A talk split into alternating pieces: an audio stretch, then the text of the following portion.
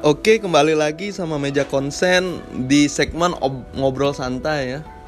Lagi dan lagi ngobrol di sore hari bareng temen, bareng eh, rekan ngobrol juga yang juga sama kayak episode kemarin salah satu temen dari Robi juga eh, dari UIN Raden Fatah Palembang ada Dinal sama Ziko yang mungkin nanti langsung mereka kenalin diri mereka masing-masing ya.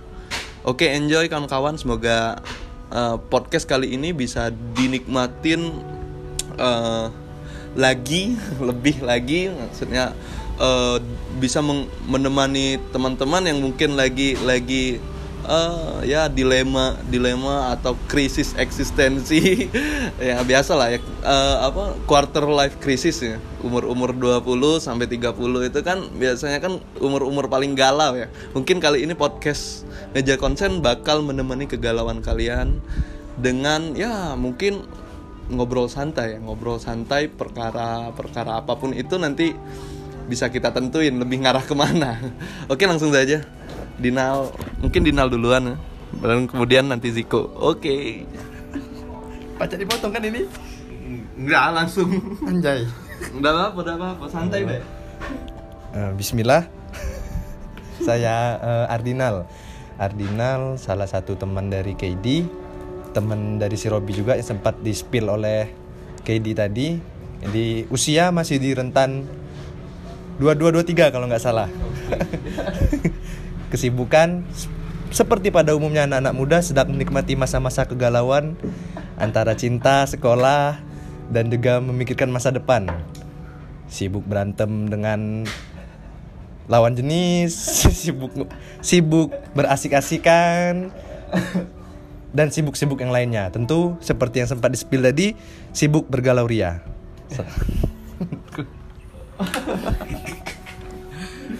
Halo teman-teman Saya Ziko Fioren. Kawannya mereka semua tadi yang udah disebut. Sama juga satu satu kelas, satu jurusan di UIN Eh, Kesibukan kurang lebih sama sama Ardinal. Cuman Ardinal ini lebih sibuk dibanding saya. Karena memang banyak kesibukan dari kampus, dari perkara cinta segala macem kalau saya sehariannya ya sibuk nggak ngapa-ngapain. Mungkin main gadget sepanjang hari. Kalau waktunya kuliah kuliah. Wibu Seleb- habis lah, wibu wibu ya no lab nerd dan segala macem. Mungkin itu. Iya. Oke, eh, bicara bicara anak muda ya. Eh, mahasiswa ini masih masih pantas nggak sih dibilang anak muda? Maksudnya tuh mahasiswa ini masih muda nggak sih? Kayak kalau aku pribadi ya, saya pribadi mahasiswa ini umur-umur 20 sampai 30 itu mereka masih pengen have fun tapi tapi kayak eh, mereka tuh dituntut dewasa gitu. Dituntut realistis. Pada faktanya eh, mentalitas mereka masih ingin have fun, masih ingin kumpul-kumpul. Nah, mungkin itu nggak sih jadi alasan eh, masih ah bukan mahasiswa pemuda-pemuda di rentang umur seperti itu untuk yang kemudian galau merasa merasa ya hilang meaning, hilang makna atau mungkin mengalami kosongan, galau, kan? berantem sama lawan jenis kayak kata Dinal tadi kan, ya. Mungkin pertanyaan saya eh, mahasiswa, mahasiswa, mahasiswa, sekarang masih mahasiswa kan? Heeh. Besok kayaknya udah nggak lagi ya, sama kayak saya ya. Jadi eh, karena teman-teman saya ini masih mengalami pergulatan kampus, eh, masih menjadi mahasiswa, mungkin mereka bisa kasih spekulasi ya, bisa ngasih eh, eh, apa ya definisi mungkin mungkin pendapat pendapat pribadi apa sih mahasiswa itu? Eh, apakah ada suatu yang berbeda something wrong? Apakah mahasiswa dari yang dulu secara historikal sama mahasiswa yang sekarang kontemporer apakah ada perbedaan secara mentalitas mungkin secara secara ketanggapan dia untuk menjadi mahasiswa secara keseluruhan atau gimana gimana Eh, ataukah ada sesuatu yang mem- yang menjadi beban dari mahasiswa sehingga mahasiswa ini tidak menjadi mahasiswa untuk secara historikal maksudnya secara citra mahasiswa yang sudah-sudah mungkin langsung aja ya. Dapat poinnya mungkin Dinal dulu. Eh, kalau kita berbicara mahasiswa, poin pertama tadi masih muda atau enggak? Kalau bagi saya sendiri sih bener berada di semacam lagi-lagi rentan usia 20-30 itu kita ini masih di masa-masa di usia galau. Jadi ketika kita dikatakan muda, faktanya pun tidak lagi, dikatakan tua pun kita belum siap belum siap menerima kenyataan itu. Jadi mungkin kesalahan takdir. Eh, saya ngerasa dari awal kalau usia kuliah itu harusnya dimulai dari 17, 17. Itu kalau kita ingin berbicara serius mungkin mengenai sistem dan sebagainya, tapi saya tidak akan ke situ. Karena ya mau gimana lagi, lagi-lagi kita terima takdir. Bukan berarti tidak bisa berubah, mungkin lain kesempatan di lain waktu saya bisa jadi seorang menteri pendidikan mungkin. Amin. nanti saya rubah semacam sistem. Ya itu itu. Jadi kalau ditanya muda ya muda.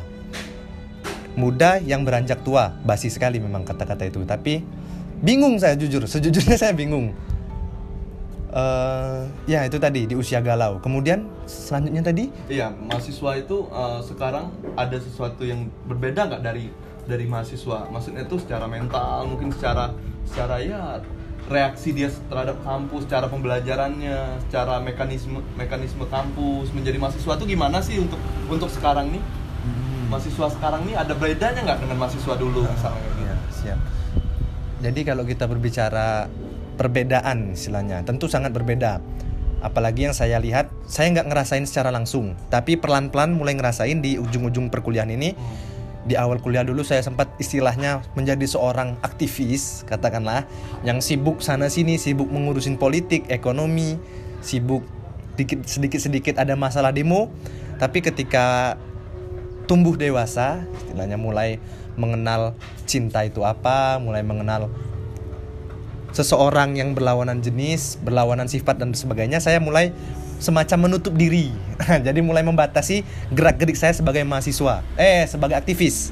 Nah, jadi istilahnya itu. Jadi kalau perbedaan jelas nyata. Kalau zaman dulu itu mahasiswa kayak benar-benar menikmati kuliahnya. Tanpa oke. tanpa beban tekanan takdir, tanpa tekanan orang tua. Karena mungkin zaman dulu mahasiswa itu eksklusif. Istilahnya kalau kata orang tua kita itu kan kuliah takut takut nggak sanggup bayar. Nah, jadi I think yang kuliah zaman dulu itu benar-benar anak orang dari ekonomi kelas menengah atas Oh. yang nggak punya beban pikiran bagaimana setelah kuliah harus kerja, harus cepat lulus dan lain sebagainya. Jadi mereka bisa menikmati benar-benar menikmati rasanya menjadi rasanya berkuliah. Sibuk belajar, nggak cukup di kampus, belajarnya belajar di tempat lain, berdiskusi sampai malam, kemudian sibuk kalau istilah Palembangnya itu jadi menteri pengangaan. Nah, sibuk ngurusin ekonomi negara, sibuk ngurusin politik dan lain sebagainya. Tapi kalau sekarang ini lebih ke saya ini siapa dan saya akan jadi apa. Oke. Jadi lebih seperti itu menurut saya. Next. Ziko mungkin mungkin apa ya yang pertama mungkin nggak banyak beda sama yang udah di ini tadi. Pertama tentang eh, pemuda ya. Usia-usia kita ini sejalan dengan yang diomongin Dinal tadi memang usia di rentang 20 sampai 30 ini memang eh, dikatakan eh, sudah tua untuk usia muda tapi belum tua untuk usia dewasa. Jadi ya ngambang istilahnya tadi posisi galau. Terus untuk eh, mahasiswa eh, perspektif saya sih mungkin nggak terlalu luas karena saya sendiri baru ngalami ini jadi mahasiswa. Jadi nggak terlalu tahu yang lalu-lalu itu gimana. Aku kayak lala kayak lala kayak jadi mahasiswa. Iya cuman eh, dari perspektif saya sendiri sih yang saya rasain memang di menjelang akhir-akhir semester ini eh, pembawaannya beda. Kalau kayak dari awal dulu kan kayak kata Daniel tadi istilahnya menggebu-gebu. Semua hal mau kita komentari, mau kita kritik itu sudah jadi darahnya mahasiswa istilahnya kan cuman lambat laun ke sini kan selain beban pikiran itu tadi kami juga dibebani sama kayak pikiran sendiri ke depan mau ngapain. Jadi nggak sempet lagi mikirin hal-hal di luar kendali kita gitu loh. Jadi orientasinya udah ke diri sendiri. Terus kalau saya pribadi sih dan mungkin banyak juga kayaknya teman-teman menjadikan kuliah ini sebagai pelarian kalau bisa dibilang. Kenapa gitu? Karena posisi umur segini nih ibarat kata minta diem di rumah nggak ngapa-ngapain bingung nggak enak sama orang tua cuman kalau keluar masih juga bingung mau ngapain jadi secara nggak langsung saya ini pribadi saya sendiri jadiin kuliah ini sebagai pelarian lari dari rumah tapi ada hal yang dilakuin gitu mau kerja belum bisa belum punya skill atau apa pun cukup realistis itu Iya. Jadi mikirnya sesimpel itu kalau untuk sejauh ini. Ya itu sih. Oke oke oke. Menarik. Eh, kalau saya lebih kayak ngarahnya ke sini lagi ya. Eh, apakah apakah mahasiswa itu terjadi perbedaan tadi? eh, memang sudah jadi fasenya gitu.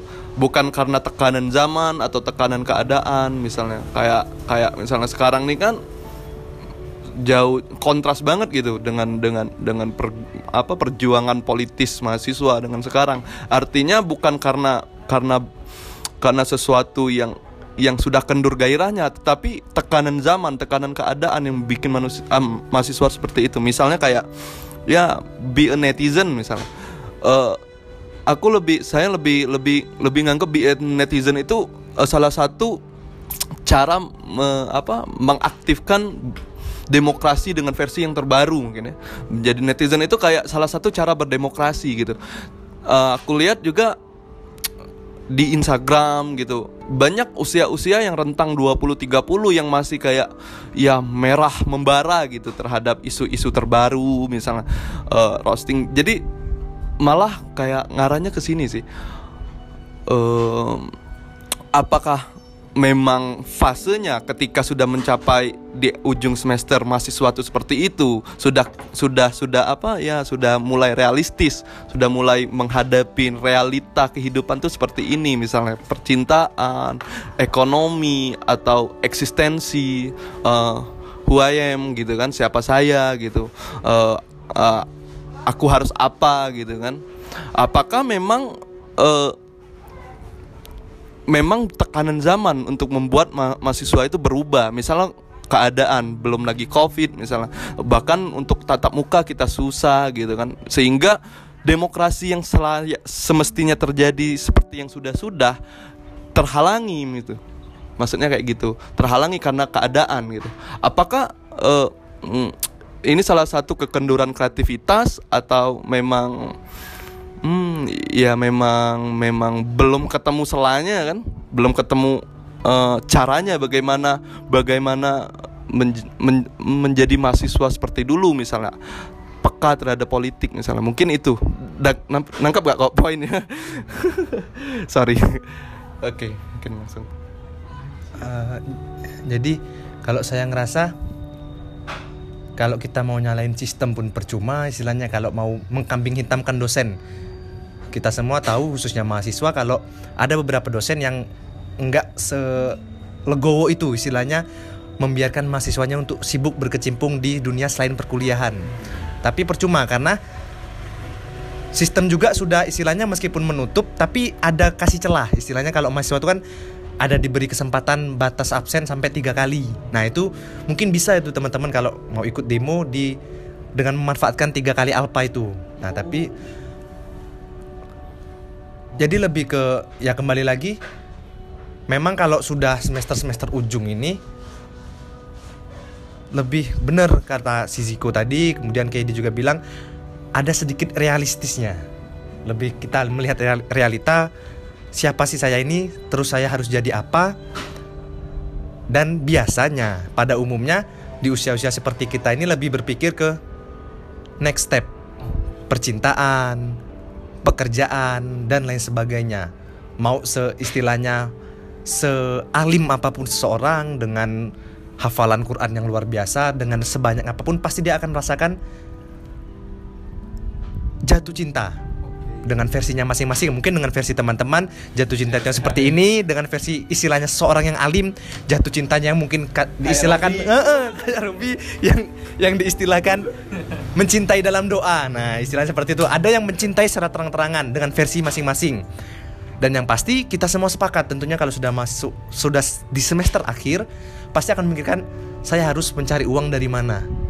Nah lebih ke eh, eh, lebih ke material. Iya, materialistik banget.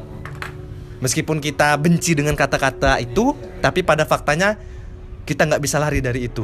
Jadi itu mungkin menurut saya benar. Jadi kita lebih re- realistis karena kita takut ke depannya kita menjadi seseorang yang dicap gagal oleh masyarakat, bukan dicap gagal oleh diri sendiri. Itu menurut saya. Iya. Eh, ngelanjut punya Dinal tadi, mungkin eh, kalau dari saya eh, di di samping mungkin istilahnya kayak nggak ada celah kayak sekarang mau demo-demo itu kayaknya nggak mungkin di kondisi yang kayak gini. Tapi kayaknya cuma mediumnya yang berpindah.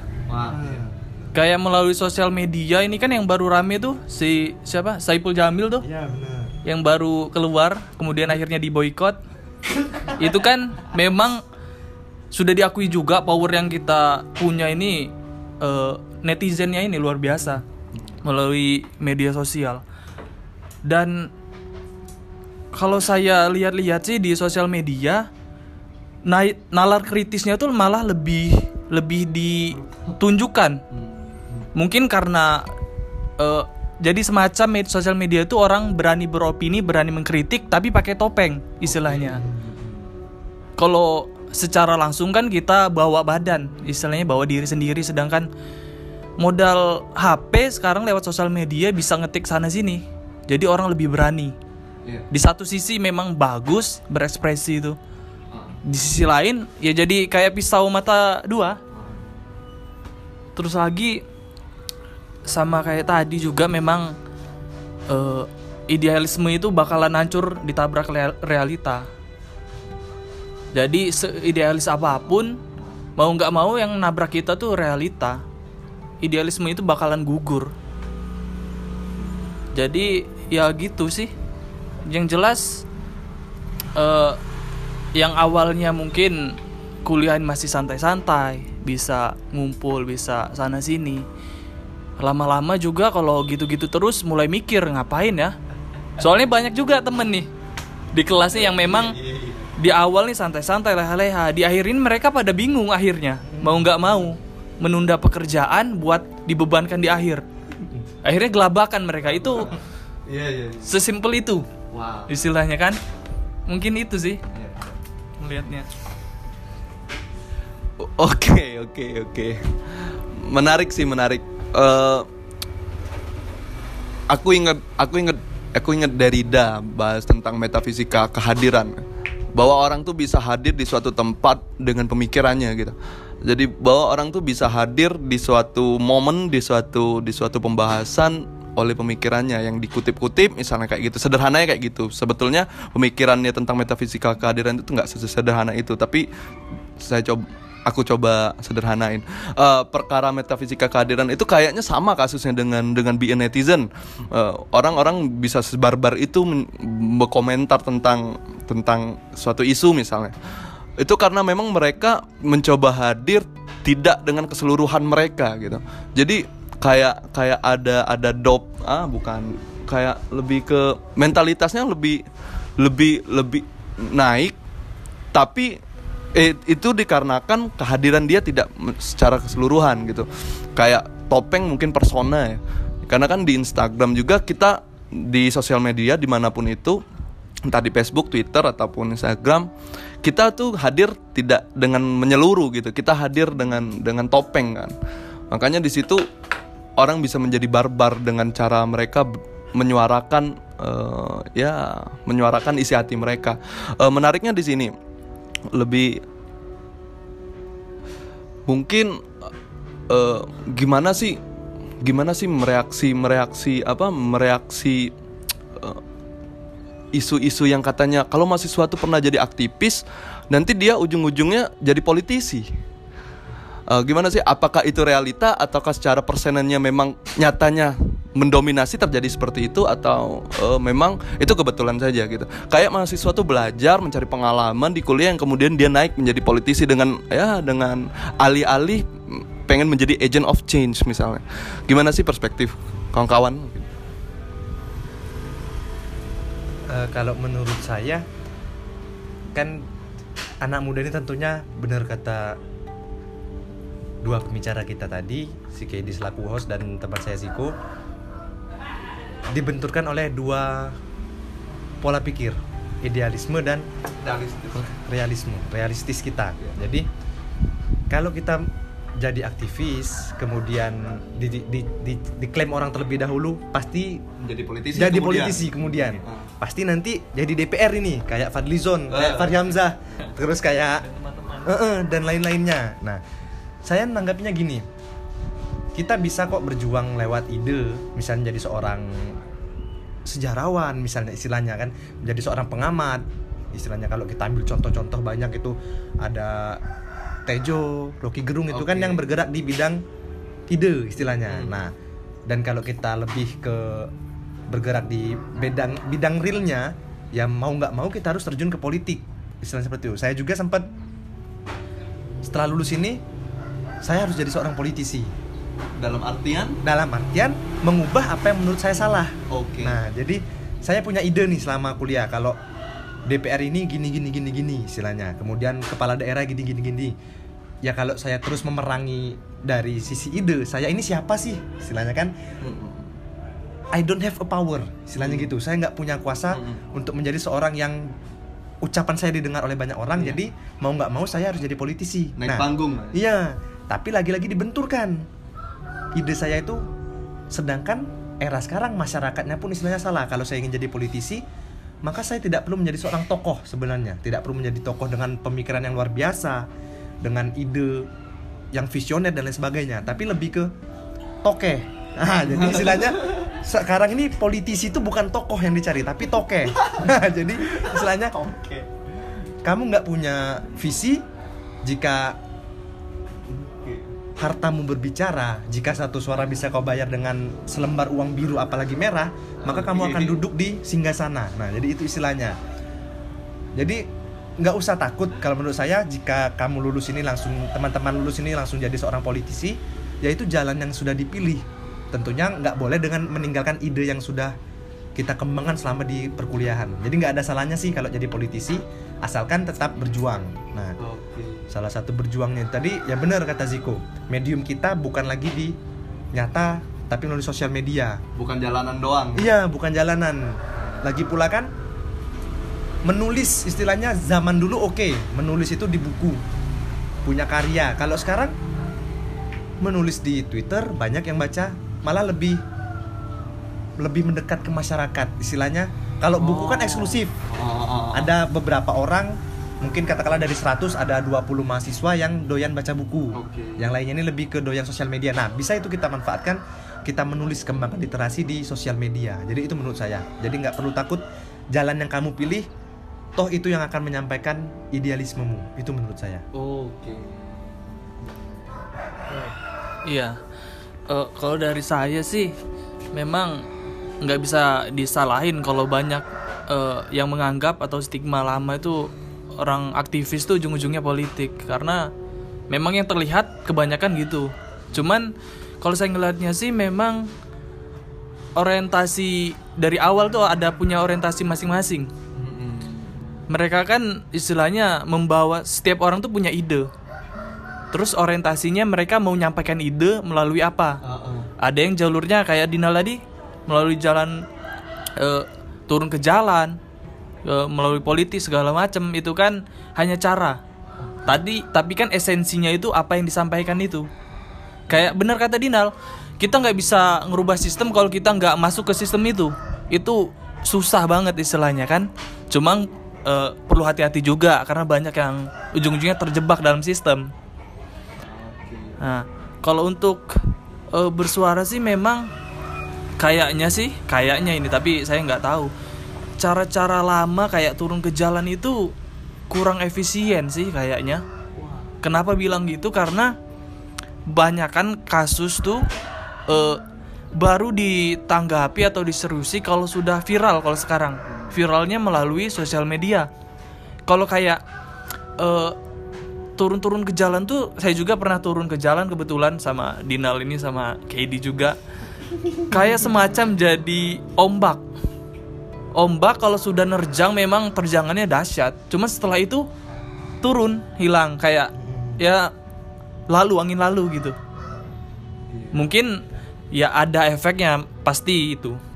Cuma kalau sekarang sih ngelihatnya perkembangan zaman nih lebih ke arah kudu di viralin dulu sampai semua orang itu ngeh di notice suara kan lebih didengar sekarang kalau lewat sosial media. Karena kayak kata Dina tadi memang saya sendiri termasuk salah satu yang kurang senang baca buku. Bacaan saya ya melalui sosial media kayak Twitter, Instagram. Tahu ilmu, tahu berita apa pun dari situ. YouTube-nya. YouTube salah satunya. Walaupun kita nonton tapi kayak iya. Ada yang seneng baca dari buku ada yang nggak seneng baca buku seneng baca di sosial media. Ada yang nggak seneng baca tapi seneng denger. Hmm. saya juga salah satu yang gitu. Kalau males baca ya denger di YouTube. Ujung-ujungnya memang kayak beralih kita nih dunianya. Ke mau nggak mau sih kita juga nggak bisa nyalahin perkembangan zaman. Tapi di sisi lain kita juga harus tetap yang ngimbangi lah istilahnya. Jadi terkait eh eh, mahasiswa yang ya kalau mau bersuara pakai caranya masing-masing lah. Ada yang arahnya mau ke politik ada yang mau melalui seniman. Dengan bincang-bincang simpel kayak gini aja ini sudah satu bentuk gitu. Mengekspresikan ide. Jadi tinggal cara apa yang dipilih. Esensinya ya tetap menyampaikan ide yang kita bawa. Itu sih dari saya berapa poin eh, yang aku catet mungkin mungkin eh, misalnya ya kita kita kita mendekatkan diri terhadap eh, realita yang kemudian buat kita ambil untuk eh, menyuarakan atau mengaplikasikan idealisme idealisme kita ya kurang lebih kayak gitu ya. Jadi memang kita kita akhirnya pada akhirnya kita nggak bisa nggak bisa apa nggak bisa menutup diri dari realita gitu. Hmm, bahwa bahwa memang bentuk terkecil mungkin dari bentuk sosial secara mikro keluarga kita ada keluarga kita yang yang ya yang harus kita peduliin duluan gitu kan. Apalagi secara lebih kecil lagi diri kita sendiri mungkin. Nah di situ mungkin nanti bakal terasa ketika ketika realita itu datang dengan sendirinya sama kita. Eh, kayak lazim nggak sih gini? Orang-orang tuh mem- mementingkan keluarganya dulu misal mementingkan temannya dulu misal mementingkan mementingkan eh, dirinya dulu. Karena kalau kalau aku pikir eh, panggung eksistensi itu kan variabel. Orang dengan dengan cara dia masing-masing buat menyampaikan dia itu siapa gitu. Akan tetapi pada akhirnya finishnya orang-orang tuh bakal menjadi egoistik gitu. Maksudnya egoistik, dia bakal memenangkan ya kaumnya dulu, rasnya dulu, keluarganya dulu, dirinya dulu. Artinya ada ada semacam kompetisi dalam hal ini. Em, cat, saya saya juga tadi nyatet omongan tentang gak efisien lagi ya. Kalau demokrasi turun ke jalan itu ada satu ada satu contoh ada satu kasus. Kayak berapa suaramu mahasiswa kayak gitu kan. Satu itu kan menurut saya itu kayak le- lebih kayak bentuknya fasisme ya. Fasisme yang yang gimana ya? Menyatukan suara gitu untuk saat untuk dukung satu orang di di atas podium gitu kan. Kayak berapa suaramu mahasiswa? Satu. Nah itu itu jadi alasan nggak sih? Maksudnya tuh demokrasi itu harus diperbarui gitu. Dengan cara seperti apa yang diperbarui? Mungkin medium tadi. Tadi sudah disem- sempat disinggung medium eh, juga sempat disinggung hmm, menjadi netizen. Apakah apakah kreativitas kita sekarang ini menjadi menjadi mahasiswa itu harus harus reaktif ya terhadap zaman? Artinya kayak oh ya zaman lagi minta kayak gini deh. Aku harus masuk kayak gini serangnya ke sini gitu. Ataukah memang ya udahlah gitu. Apa yang buat kamu seneng aja gitu. Eh, poinnya mungkin ke sini. Kebahagiaan itu kebahagiaan itu kan seringan ter, berada di idealisme. Kebahagiaan tuh lebih kayak ke ide kamu seperti apa gitu. Tapi kenyataannya buat melangkahi idealisme itu eh, eh, bukan melangkahi buat menjalani idealisme itu orang harus realistis. Nah dari sini aku juga sempat nonton beberapa podcast eh, bahas tentang idealisme realistis yang kayak kayak gitu. Eh, lebih kayak nangkep poinnya kayak gini. Ya udahlah realistismu itu adalah bentuk idealisme yang idealismemu yang lebih kamu umumkan. Lebih kayak di di ya dilazimkan buat orang-orang lain gitu. Nggak yang nyentrik gitu. Kayak misalnya eh, bekerja di corporate misalnya kayak gitu dengan alasan kenapa kamu kerja di sawit? Misalnya. Kan ini kan kapitalis kan antinan kan mahasiswa kan. Antinan aku begawi sama kapitalis kan gitu kan. Tapi dia sebut eh, aku bakal ubah. Aku bakal ubah sistem ini. Lagi-lagi kayak gitu.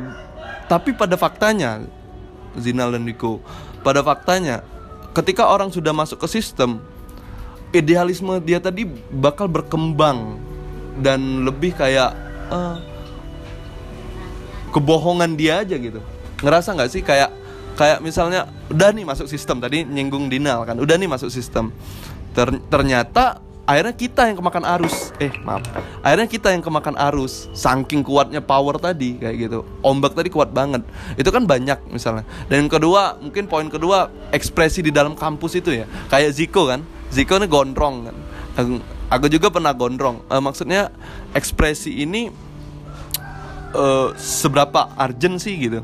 Se- seberapa seberapa eh, seberapa penting sih? Dan gimana sih caranya buat buat menjadi ekspresi eh, eks- bukan juga buat menjadi ekspresi buat menyampaikan ekspresi kita dalam keadaan di mana eh, terkenal itu menjadi menjadi hal yang yang sulit gitu. Karena kita bakal bakal berhadapan sama sama ya bermacam ragam pikiran gitu. Artinya suara kita bakal ditampar oleh banyak ragam pemikiran gitu. Apakah ekspresi ini menjadi suatu eh, suatu apa ya su- eh, menjadi menjadi kekuatan kita atau atau memang ada suatu kegawatan kegetiran ketika kita menjadi ekspresi dalam keadaan seperti ini? Baik menjadi mahasiswa maupun menjadi eh, manusia dalam keadaan atau dalam zaman seperti ini. Mungkin dua poin itu dulu. Ziko mungkin duluan Nah, Dinal dulu mungkin aku agak bingung poinnya. agak bingung ya dua mungkin Dinal dapat poin dapat Ngalir. ngalir ya oke Dinal dulu. Jadi dari apa yang dibicarakan oleh Kaidi la- tadi, lagi-lagi saya menangkap pada akhirnya kita dipertentangkan, diperdebatkan antara dua, idealisme dan dan realis.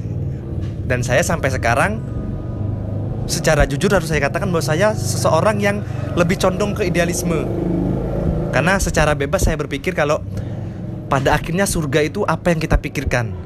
Bahkan saya sempat berpikir kalau saya mati, misalnya saya mati, meninggalkan dunia dan saya berpikir bahwa surga itu taman bermain sepak bola, maka saya akan mendapatkan surga ya taman sepak bola itu tadi.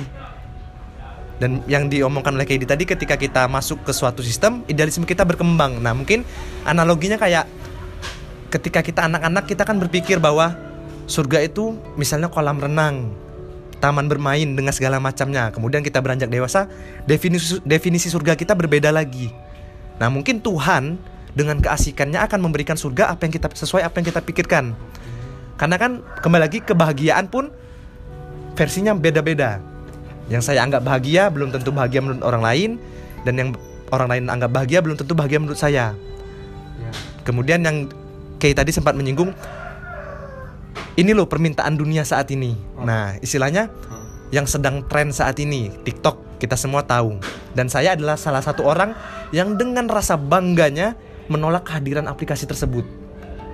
Dan saya menyadari kalau saya itu salah.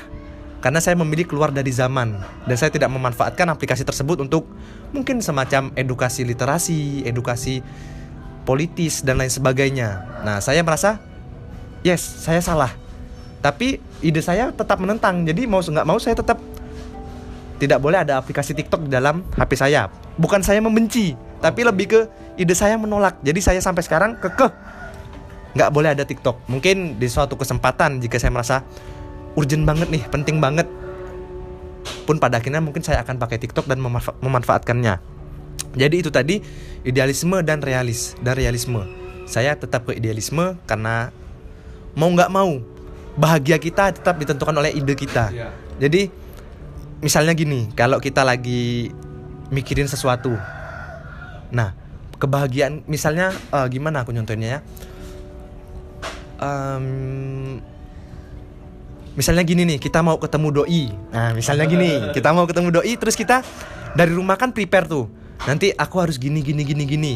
Nah, bahagia kita itu nanti bukan pas benar-benar ketemu, tapi puncak bahagia kita itu ketika berangkat kita berpikir, oh nanti pasti aku bakal diginiin.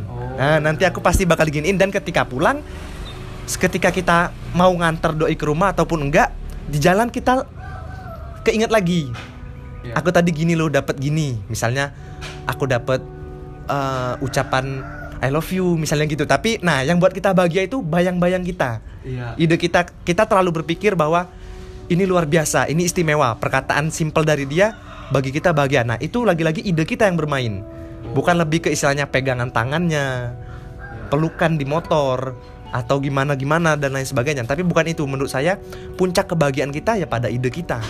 Hmm. Gimana kita menangkap suatu fenomena dan gimana kita mengkreasikannya. Itu menurut saya bahagia kita. Iya. Dapat nggak sih itu itu ya tadi ya? Iya. Mm-mm, lanjut. Mungkin bagian ekspresi ya. Tadi ada bagian ekspresi, mungkin Ziko mungkin bisa Eks- ya kasih perspektif ekspresi itu seperti apa. Maksudnya tuh eh, kita ingin mengekspresikan siapa kita gitu. Eh, ide kan terkait dengan ide tadi. Ide kita seperti ini gitu. Terus cara ekspresinya yang pas tuh gimana? Maksudnya tuh bukan yang pas, yang yang ya yang nggak terlalu nyentik atau masih bisa lah diterima oleh umum gitu. Ekspresi sekarang lebih kayak gimana sih gitu? Lebih kayak Eh, terkait itu pertama tentang idealisme sama realis keadaan itu saya ngelihatnya jadi eh, idealisme itu hal yang prinsipal prinsip prinsipil tapi bisa dinegosiasikan. Artinya kayak yang udah dibilang tadi ngalir dia. Bisa perspektif kita pun bisa berubah. Artinya dengan wawasan dan pengetahuan baru hal-hal yang dianggap kita prinsip nih udah jadi pegangan tapi bisa berubah suatu waktu. Nah terkait untuk ekspresinya saya nggak terlalu keras. Kayak mungkin beberapa hal Ardinal yang memang dia nggak mau ter terjerumus atau terjebak mungkin itu hal-hal yang prinsip bagi dia tapi kalau saya nggak terlalu tapi saya saya sendiri nggak bilang saya anti atau gimana saya memang nggak download TikTok tapi saya juga nggak anti gitu dalam artian kalau dilihat-lihat sih kayaknya semuanya mulai dari Instagram sampai ke YouTube pun ikut ujung-ujungnya ikut-ikutan TikTok sih. Iya. Ada reels, ada ada apa short semacam kayak TikTok tinggal geser-geser. Terus juga di IG kan kita lihat TikTok. Iya. Jadi Jadi- TikTok pun digodeta oleh TikTok ini. Nah, menolak aplikasi tapi kita menikmati kontennya di IG. Iya. di Instagram ya, di nah jadi itu kayak yang per- saya bilang tadi cuman cara aja sih. Pada akhirnya tetap berekspresi. Toh melalui apa pun tetap sampai ekspresinya itu. Nah, cuman eh, kebanyakan sekarang sih orang kita nih nggak tahu benar salah nanti dikoreksi. Ini cuma pandangan saya kayak yang eh, pernah dibilang ada komika saya lupa kurang lebih katanya kita nih eh, gampang kepancing cepat lupa Oh. Latahan. iya latah bangsa yang latah kurang lebih jadi kalau ada isu apa nih lagi heboh semuanya kepancing untuk semuanya ngomong ngomong tentang hal itu. Tapi setelah itu ya lepas kayak hilang aja gitu. Nggak sampai lagi apa yang jadi tujuannya tuh. Jadi lebih ke ke bawah arus. Walaupun kita coba ngelawan arus tapi mau nggak mau ujung-ujungnya ke bawah tuh lah sama arus itu. Jadi ekspresi kita nih lebih bebas tapi kayak lebih diarahkan. Oh. bebas tapi terarah gitu loh kita memang bebas berekspresi. Tapi ekspresinya tuh lebih ke bawah tren. Jadi ya gitulah. Gimana sih bingung ngungkapinnya? Simpelnya gitu. Kita dengan adanya media yang kekinian melalui sosial media segala macem lebih bebas. Tapi di sisi lain kita kayak diarahkan ada gelombang gitu bahasan tentang ini kita berekspresi bebas dengan pikiran kita masing-masing. Nggak kayak cara lama e, berapa suaramu mahasiswa satu. Sekarang tidak. Berapa suaramu? Banyak. Masing-masing punya suara. Tapi ujung-ujungnya ya semuanya membahas topik yang sama ya ke bawah arus. Tapi lebih terbuka sih saya ngelihatnya sekarang. Lebih banyak perspektif yang keluar dengan media yang kayak gini itu sih mungkin tentang ekspresi Wah, wah, wah, keren, keren, keren, keren serius, minder ini. Jadi ingat ingatkan ya, Immanuel Kant ya, ada fenomena, ada nomena. Ya. Eh, Jadi memang manusia itu diatur oleh nomena ya, sesuatu yang tidak terlihat. Yang kemudian tadi itu ya bebas tapi diarahkan gitu kan. Ya, oke, wah keren. Eh, mungkin terakhir ya, kan kita udah tahu nih ada ada ada kayak kubu-kubuan ya semacam kubu-kubuan. Eh, walaupun mereka tuh tidak tidak apa ya tidak tidak aktif di dalam politik bukan kubu politik gitu ya. Lebih kayak kubu alayers ah, anak ngap ngap Ngabers. ngap. Lebih kayak alay gitu ya. Eh, ketinggalan zaman. Apa sih ekspresi kau nih gitu udah asik gitu kan gitu. Maksudnya eh gimana kalian merespon itu gitu?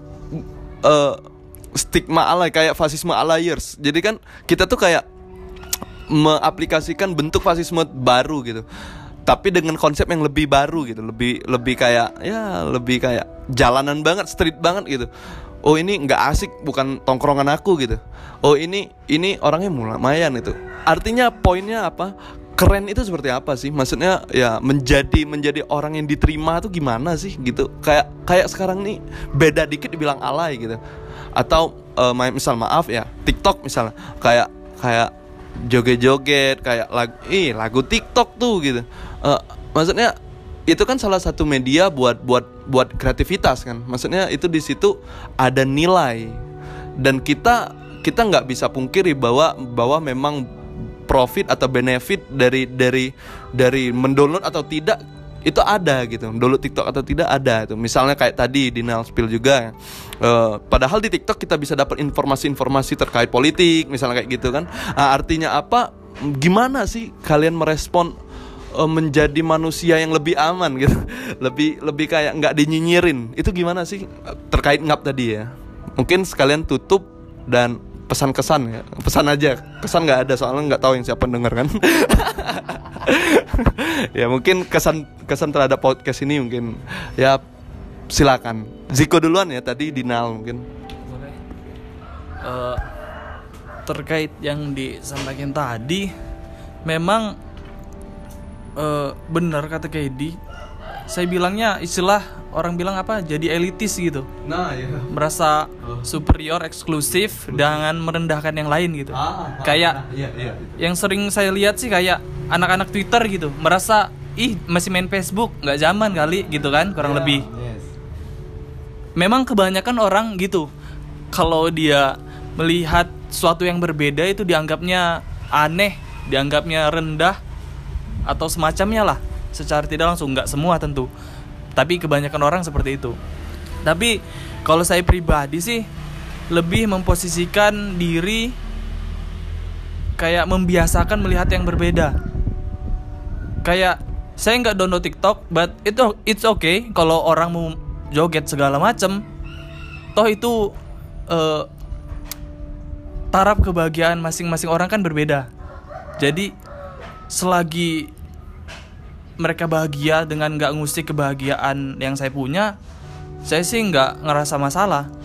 Dan dengan itu juga secara nggak langsung saya juga nggak mau nyalahin orang-orang yang punya sifat elitis tadi. Kayak dia merasa lebih tinggi ya saya juga nggak mau nyalahin itu. Itu mungkin eh, dia nyaman di posisi itu. Jadi dia nganggap hal yang lain tuh lebih berbeda itu lebih di bawah atau semacamnya Dan- itu juga ya nggak masalah. Terus em, eh, apa ya? Untuk terakhir pesan ya? Ya pesan. Pesan untuk siapa nih? Oh ya pendengar lah. Oh, untuk Oh, iya. Untuk eh, kalau untuk pesan sih em, apa terserah saya nggak nggak nggak terlalu ngasih nggak bisa ngasih saran apa-apa sih sebenarnya. Cuman karena di samping saya juga orangnya bisa dibilang egois ya orientasinya tuh ke diri sendiri terus. Jadi jarang jarang-jarang gitu peduli ke orang lain kalau selagi saya lagi nggak pengen peduli gitu. Mungkin pesannya ya pandai-pandailah eh, menempatkan diri mungkin selain diri juga pikiran dan segala macam kita jangan sampai di tergerus zaman tapi jangan juga tenggelam dalam zaman tapi jangan sampai ketinggalan zaman gitu loh. Ada hal-hal yang memang bagi Dinal mungkin atau saya atau dan yang lain teman-teman prinsipal prinsip nggak bisa diganggu gugat gitu. Tapi yakinlah itu pasti bakal berubah satu waktu jadi jangan terlalu kaku saya pesannya jangan terlalu kaku aja. Gitu lebih ngalir tapi ada yang dipegang. Jadi kalau punya hal yang dipegang itu mau ke mana pun tetap dipegang tapi kita nggak stagnan di situ-situ aja gitu loh.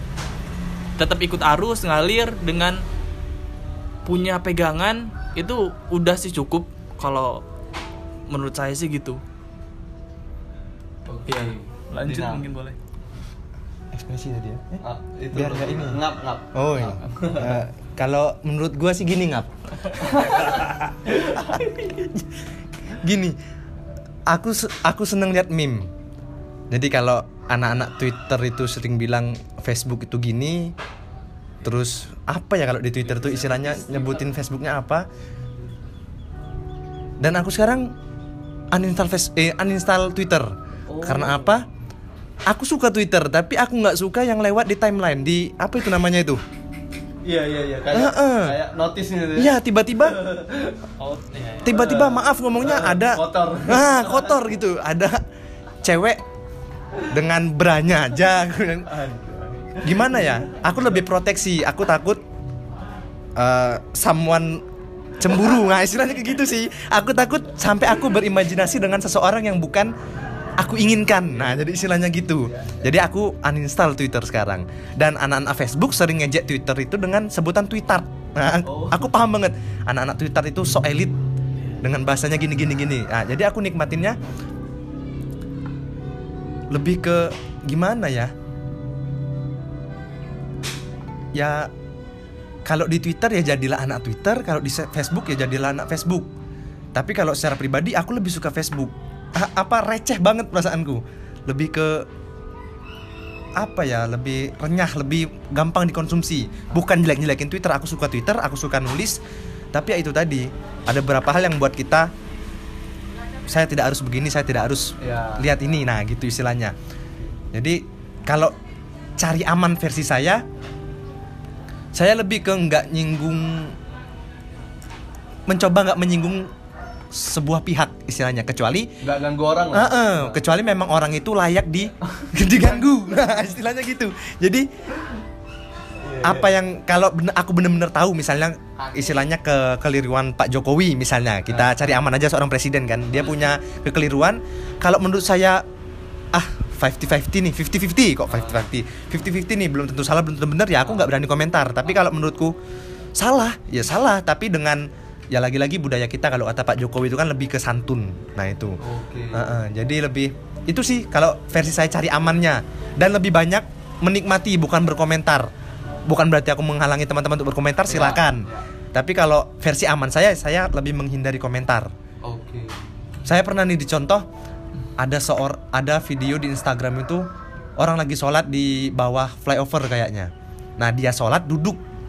Ada yang komentar cari cari muka padahal bisa sholat sambil berdiri di situ. Nah kemudian saya saya sempat reply itunya komentarnya kemudian dia lanjut saya DM langsung.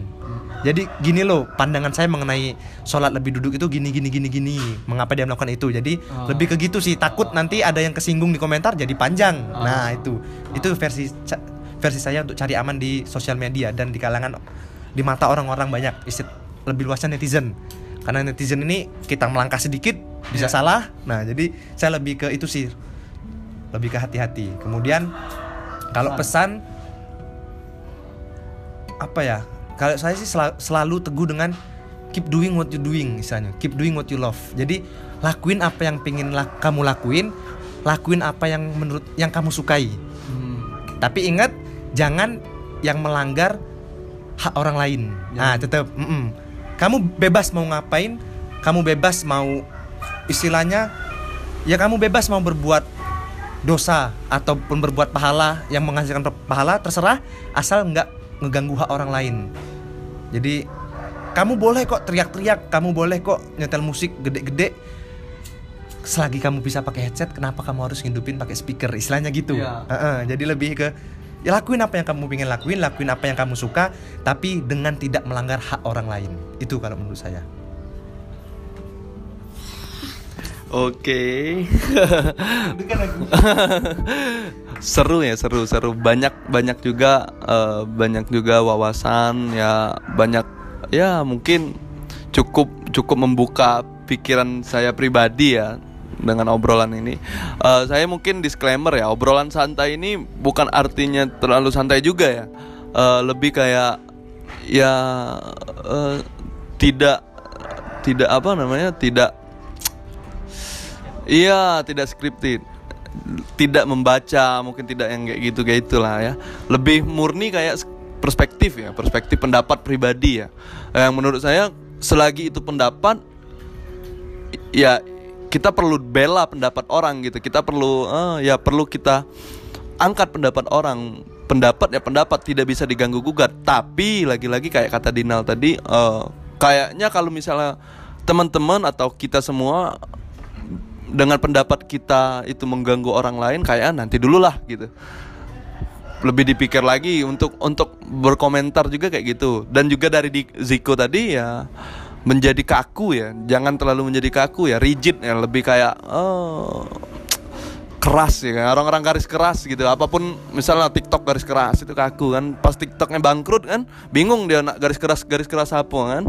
Kayak gitu. Misalnya jadi anak Facebook tuh wow garis keras. Sehingga gimana? Tweet ke Twitter gimana? Gitu. Sebaliknya Twitter juga gitu misalnya Eh, jangan terlalu kaku ya. Balik lagi ke idealis realis tadi. Eh kayaknya untuk mempromot untuk mempromosiin idealisme tidak juga dengan menjadi kaku dan tidak juga merusak atau mengganggu orang lain ya kayak gitu ya.